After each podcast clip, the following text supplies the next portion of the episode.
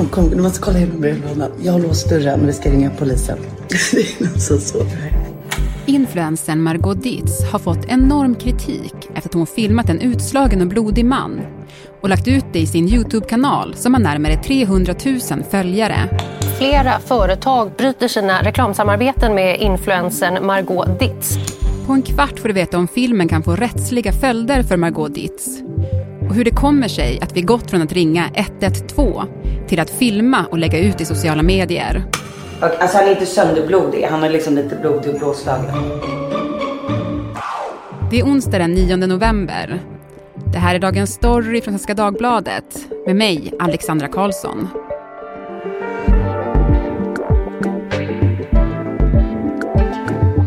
Essie Klingberg, redaktör på SvD Kultur och Mårten Schultz, juridisk kommentator på Svenska Dagbladet och professor i civilrätt som just nu är gästforskare vid Oxford i Storbritannien. Halloj på er! Hallå, hallå! Först, eh, vad tänkte ni när ni såg den här Margot Dietz-filmen? Ja, jag, jag, tänkte kanske att det var ett, ett medvetet prank, eh, ett sätt att väcka engagemang för att Margot Dietz har varit ganska bra på att balansera eh, på gränsen tidigare. Mm. Eh, men så var det ju inte. Nej, vad, vad tänkte du Mårten? Jag såg det först när det blev medier kring det och då, jag tänkte väl kanske lite som Estrid att det, att det var iscensatt i första hand. Att det var, att det var liksom, att det var gjort. Men, eh, men sen insåg jag att det nog inte var det. Jag är fortfarande inte helt säker i och för sig. Men, men eh, sen så reagerar jag väl på att det är fruktansvärt smaklöst. Ja, men precis. För, för vad är det som är så anmärkningsvärt med det här? Om ni skulle sätta fingret på det. Alltså det som folk reagerar på är väl Eh, dels agerandet, att man då filmar innan man hjälper till, men också inramningen, att det, att det ses som något man kan göra underhållning av. Det är ju en, det är ett anmärkningsvärt agerande, men jag tycker inte kontroversen i sig är anmärkningsvärd, i och med att det åskådliggör bara hur stor del av influencerskapet som kretsar kring någon sorts eget utgivarskap. Alltså en influencer är ju verkligen sin egen pressperson, sin egen ofta klippare då, inte Margot Dietz, men Eh, man är sin egen eh, man är sin egen manusförfattare, man är sin egen sociala medieansvarig. Jag tycker också att det eh, intrycket som sekvensen ger är ju en häpnadsväckande empatilöshet. Att det ligger en människa som är utslagen i trapphuset av någon anledning. Eh, och och det, det första tanken är att göra liksom screwball-komedi av det peta på kroppen och sådär.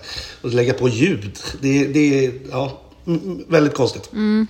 Hon har ju gått ut och bett om ursäkt för det här ska vi säga. Eh, men jag tänkte Essie, du skrev en krönika om det här, där du räknar upp eh, liksom, den moderna människans grundimpulser i hotfulla situationer. Vilka är det? Ja, men jag skrev ju att, eh, att det är liksom fight, flight or film har liksom blivit, blivit kanske ens grundingivelse i sådana här situationer. Och det är liksom det jag menar med det är väl eh, att det, det senare då, film är väl något som för allt fler människor framstår som något naturligt att göra.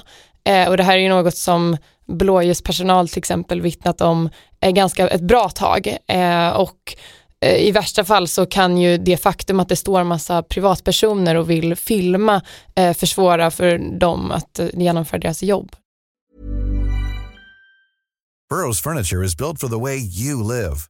From ensuring easy assembly and disassembly to honoring highly requested new colors for their award-winning seating, they always have their customers in mind. Their modular seating is made out of durable materials to last and grow with you. And with Burrow, you always get fast, free shipping. Get up to 60% off during Burrow's Memorial Day sale at burrow.com slash ACAST. That's burrow.com slash ACAST. burrow.com slash ACAST.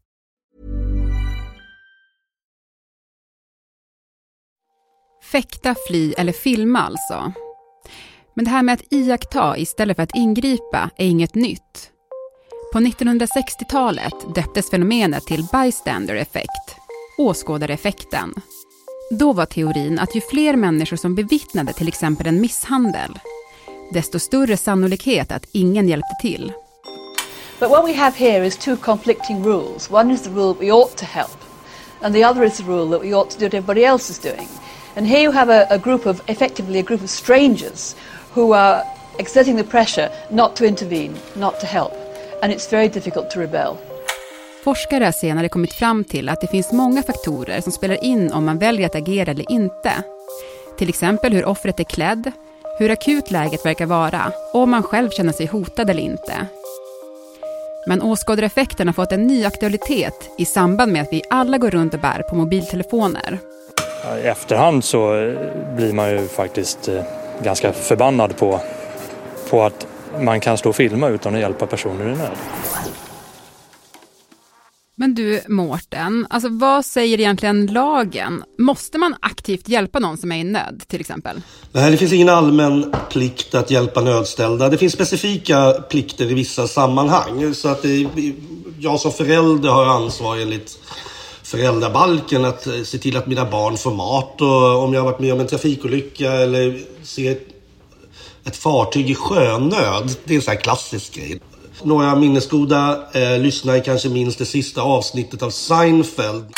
See, the great thing about robbing a fat guy is it's an easy getaway, you know? They can't really chase you. Gänget i Seinfeld åker upp till Vermont och ser en person bli rånad. Och de bara skrattar och tycker att allting är väldigt gulligt. För de kommer med sina hårda, kalla, cyniska Manhattan-ögon upp dit till norr. Eh, och det är ett exempel på skillnader. För i USA så är det olika i olika delstater man har en skyldighet att ingripa när andra människor befinner sig i nöd. Men i Sverige har man det inte. Till skillnad från många andra länder i kontinentaleuropa. Mm.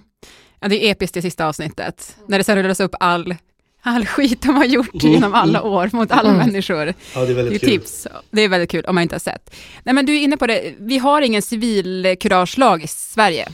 Nej, det har vi inte. Det utreddes för ungefär tio år sedan. Då det var Kristdemokraterna som låg på i den regeringen. För de har känt länge för det och har varit ganska ensamma med det. Jag, jag, tycker själv att det är en ganska bra tanke faktiskt. Och det är jag ganska ensam också om, eh, bland jurister i alla fall. Men, eh, eh men eh, eh, utredaren själv tyckte inte om det, så han sågade sitt eget lagförslag och sen bara själv dog det. Mm -hmm. Men du, du sa själv att du, du är inte helt emot det. Vad, vad skulle, vad, varför tycker du att vi skulle ha en civilkuragelagstiftning? Alltså jag, jag, tycker att det på rent moraliska grunder bör, bör finnas en plikt att hjälpa människor i nöd om man kan göra det utan risk för egen liv och hälsa. Det exempel som brukar tas upp det är, det är från Maciej Zarembas klassiska eh, artikel Orättens rötter. Som handlar, där han beskriver en man som står och röker och tittar på ett litet barn som drunknar i en vattenpöl.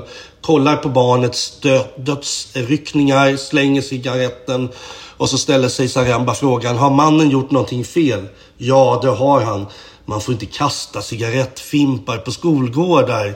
Men allt annat är tillåtet i scenariot. Och det, det tycker jag illustrerar ganska bra situationen när, när en allmän plikt att hjälpa nödställda skulle kunna göra lite nytta. Däremot så finns det, det finns invändningar som är legitima. Eh, en sån invändning har varit att eh, människor skulle riskera att hamna i fara om de ska ingripa vid rån och sånt där. En annan är att det skulle riskera att komma i konflikt med vittnesplikten. Man skulle inte våga berätta om vad som har hänt när man har sett ett brott eftersom man själv har gjort sig skyldig till ett brott när man inte har hjälpt till. Mm.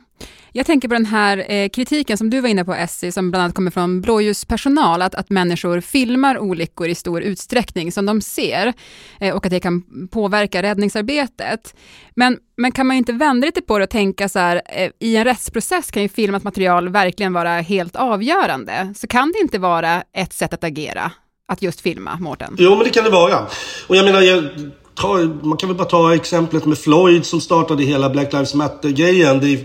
En film kan ju rymma en, en, liksom en revolution om den, om, den är, om den ligger rätt i tiden och, och visar någonting. Du Essie, eh, tillbaka till din krönika som du skrev då. Eh, där är du ju inne på att liksom, mobilen används mer som en sköld mellan oss och verkligheten. Va, vad menar du? Ja, men det, alltså, att det är ett sätt att eh, skapa en distans till det som sker.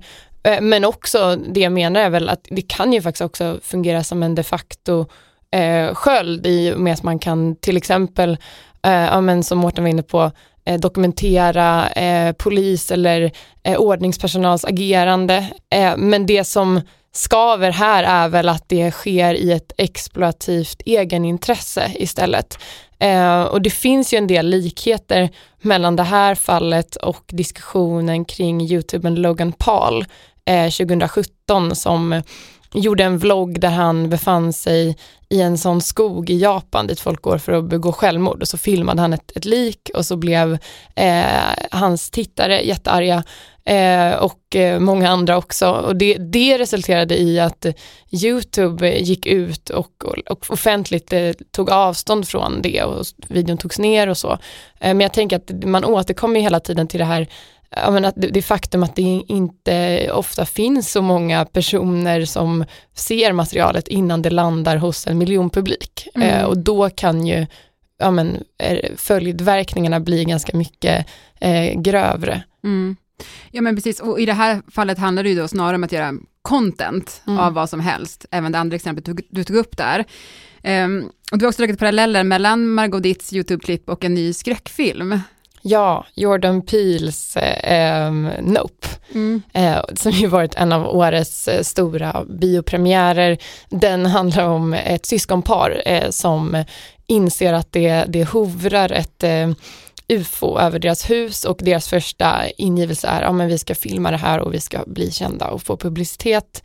Eh, och det är ju, Jordan Peele han är ju känd som en sorts, ja men den sociala thrillerns mästare och det här är ju lite utav en, en sedelärande historia eftersom att eh, ja, men de hamnar ju dels i stor fara men det är också väldigt många människor längs det här ufots väg som får sätta livet till. Och jag tänker att det är ju en sorts, eh, ja, men en, en nickning till av vad sociala mediesamhället har gjort med oss eh, och det är, en ganska, det är en ganska rolig film eh, men det är också en ganska eh, obehaglig film eh, och jag tänker att Margot Ditz då liknar väl till viss del hans huvudfigurer i och med att hennes, eh, hennes impuls var att, att filma.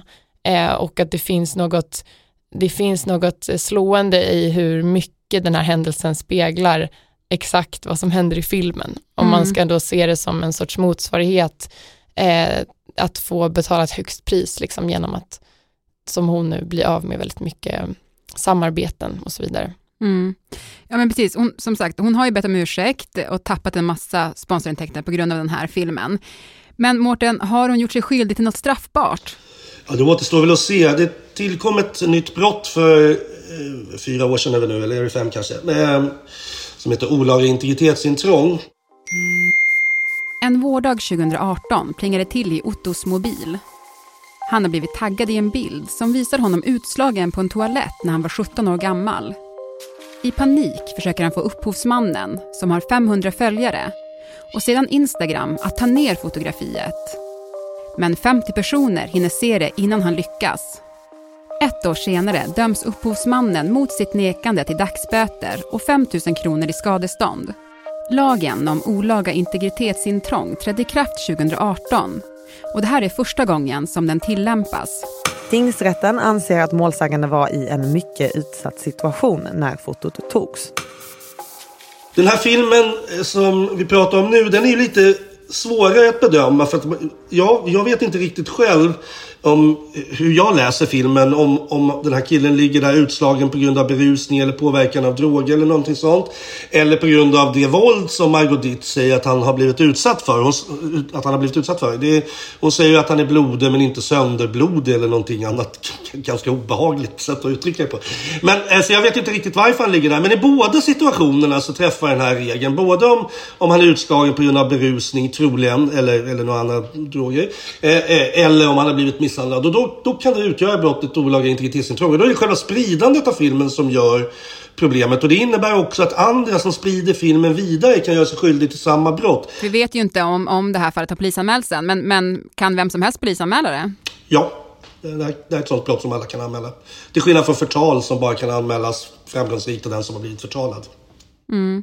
Men om det skulle gå så långt att det blir en polisanmälan, vad, vad bedömer du att följderna kan bli? Om man skulle spekulativt gissa om det här blir ett åtal, då är det ju ett bötesbrott. I, i, det är liksom inte allt för allvarligt ändå. Ja, men alldeles oavsett om det här blir ett rättsfall eller inte, så tänkte jag mm, fråga dig, Essie. Alltså, vad innebär den här filmen för Margot Ditt som influencer? Alltså, är det här peak influencersamhället? Men det finns ju något förutsägbart i hur hela den här historien har utspelat sig och eh, i detta att eh, ett gäng företag nu sagt att de säger upp sitt samarbete med henne. Eh, och jag tänker att det är, också, det är på något vis lite tröttsamt det med för att eh, då, det, frågan är ju, ja men okej som influencer så du, du säljer ju bilden av dig själv och då antar jag att de gör bedömningen att ja men nu måste vi helt omvärdera bilden vi har av Margot Ditz för att hon har lagt ut den här filmen och jag vet inte det känns som en diskussion som, som vi kommer behöva ha framåt. Alltså det här, det här företags väldigt eh, lättvinliga eh, ja, men, sätt att hela tiden behöva, att de, att de alltid ska anpassa sig efter folkets nicker eller tittarnas nicker. Jag vet inte, jag, jag tycker det kan också i sig vara lite irriterande. Eh, sen vad det innebär för Margot Ditz i det långa loppet, det är ju väldigt svårt att säga om. Mårten, tror du det kommer få några konsekvenser liksom, samhälleligt, om man får vara så stor i orden? Som, som jurist så hoppas man ju ändå alltid på att, att, att sådana här händelser kan bidra till att människor får upp ögonen för vad man inte får göra. Vad man inte får, det här får man faktiskt inte göra på, i sociala medier. Att det finns begränsningar, det finns förtal och hot och man får inte skicka dickpics hur som helst och så här. Så varje sån händelse så hoppas, man ju, hoppas jag ju på att att det blir lite uppmärksamhet kring de rättsliga begränsningarna. Eh, men sen vad gäller liksom Margot Ditts framtida karriär och sånt där, det har jag ingen, ingen uppfattning om alls. Kanske det blir, kanske utgången för, i det avseendet beror lite på om det blir någon polisanmälan, om det blir någon för det kanske ändå skulle kunna vara menligt att om man döms för brott då, men det, det vet jag inte. Nej, det återstår att se. Tack så jättemycket Essie och Mårten för att ni var med i Dagens Story. Tack så mycket hörni. Tack för att jag fick komma. Hey, I'm Ryan Reynolds. Recently, I asked Mint Mobile's legal team if big wireless companies are allowed to raise prices due to inflation. They said yes. And then when I asked if raising prices technically violates those onerous two year contracts, they said, What the f are you talking about, you insane Hollywood ass?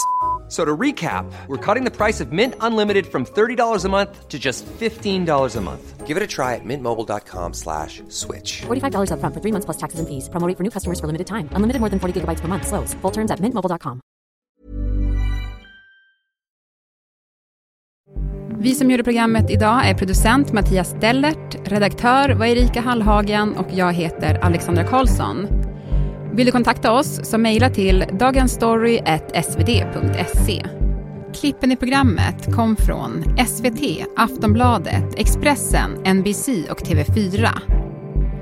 Och Otto, som nämns i programmet, heter egentligen någonting annat.